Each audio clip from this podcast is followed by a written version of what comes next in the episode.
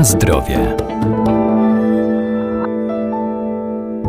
Polifenole to związki organiczne występujące naturalnie i bardzo licznie w roślinach. Dzięki swojej budowie chemicznej redukują negatywne skutki wywołane stresem, opóźniają procesy starzenia i hamują powstawanie czy rozwój stanów zapalnych, dlatego stanowią istotny element naszej diety.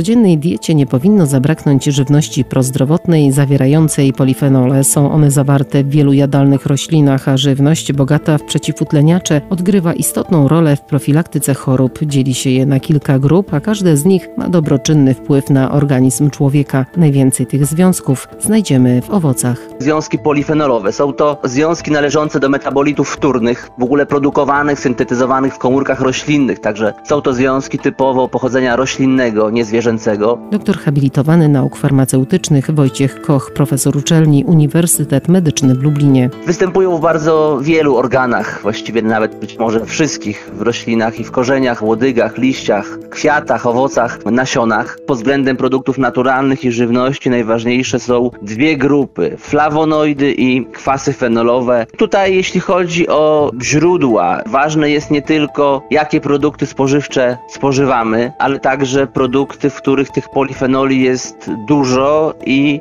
tych produktów spożywamy też duże ilości. Jeśli chodzi o istotne źródła polifenolowe, to na pewno są to tutaj owoce jagodowe, takie jak aronia, maliny, borówki, jagody, truskawki, poziomki, jeżyny, gdzie no, niektóre tutaj produkty, jak na przykład owoce aronii, zawierają nawet 3-4 gramy w przeliczeniu na 100 gram, czyli w sumie 3-4% antocjanu w przeliczeniu na ekstrakt z danego owocu. Oczywiście tu mówimy o ekstrakcie, w owocach świeżych ta zawartość będzie niższa, ale i tak jest ona no, ogromna. Oprócz tego warzywa kapustne, to jest zwłaszcza warzywa z rodziny krzyżowych, jak kapusta czerwona, kapusta, brokuły, warzywa cebulowe, cebula, czosnek, korzeniowe, buraki ćwikłowe. Wysoka zawartość też jest w czerwonej papryce. No, wspomina się o naci pietruszki, kaparach, pietruszce, tutaj chodzi o korzeń. Natomiast no, tutaj te ilości są w szerokim zakresie, w zakresie powiedzmy kilkuset miligramów na 100 gram, dochodzimy jakby do problemu wielkości porcji, to znaczy, że no ile tej pietruszki możemy tak spożyć.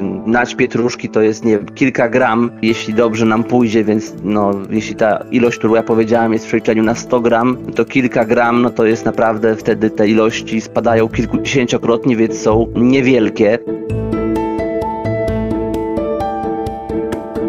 Na zdrowie.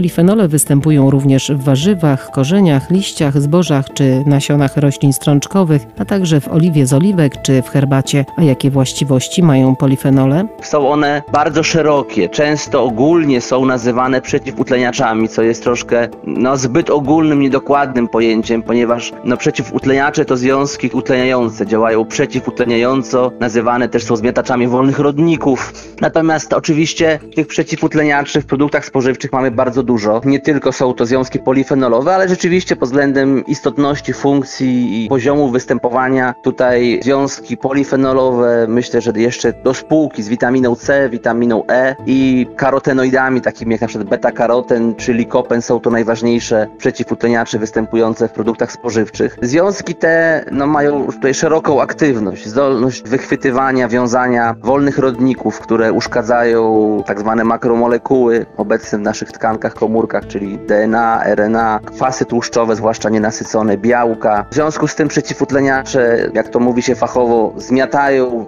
wychwytują wolne rodniki, stabilizują je, mają też możliwość unieczyniania enzymów katalizujących procesy oksydacyjne, czyli jakby hamujące reakcje, które prowadzą do syntezy wolnych rodników. Chronią lipidy na skórka, czyli na przykład też obecne w skórze przed utlenianiem, uszczelniają naczynia krwionośne, mają działanie przeciwzapalne, przeciwmutagenne, pośrednio też przeciwnowotworowe, gdyż wiele tutaj nowotworów, geneza ich powstawania wywodzi się y, z procesów wolnorodnikowych. Natomiast na pewno nie są to jedyne mechanizmy, ale tutaj te procesy wolnorodnikowe uważane są za jedne z najistotniejszych.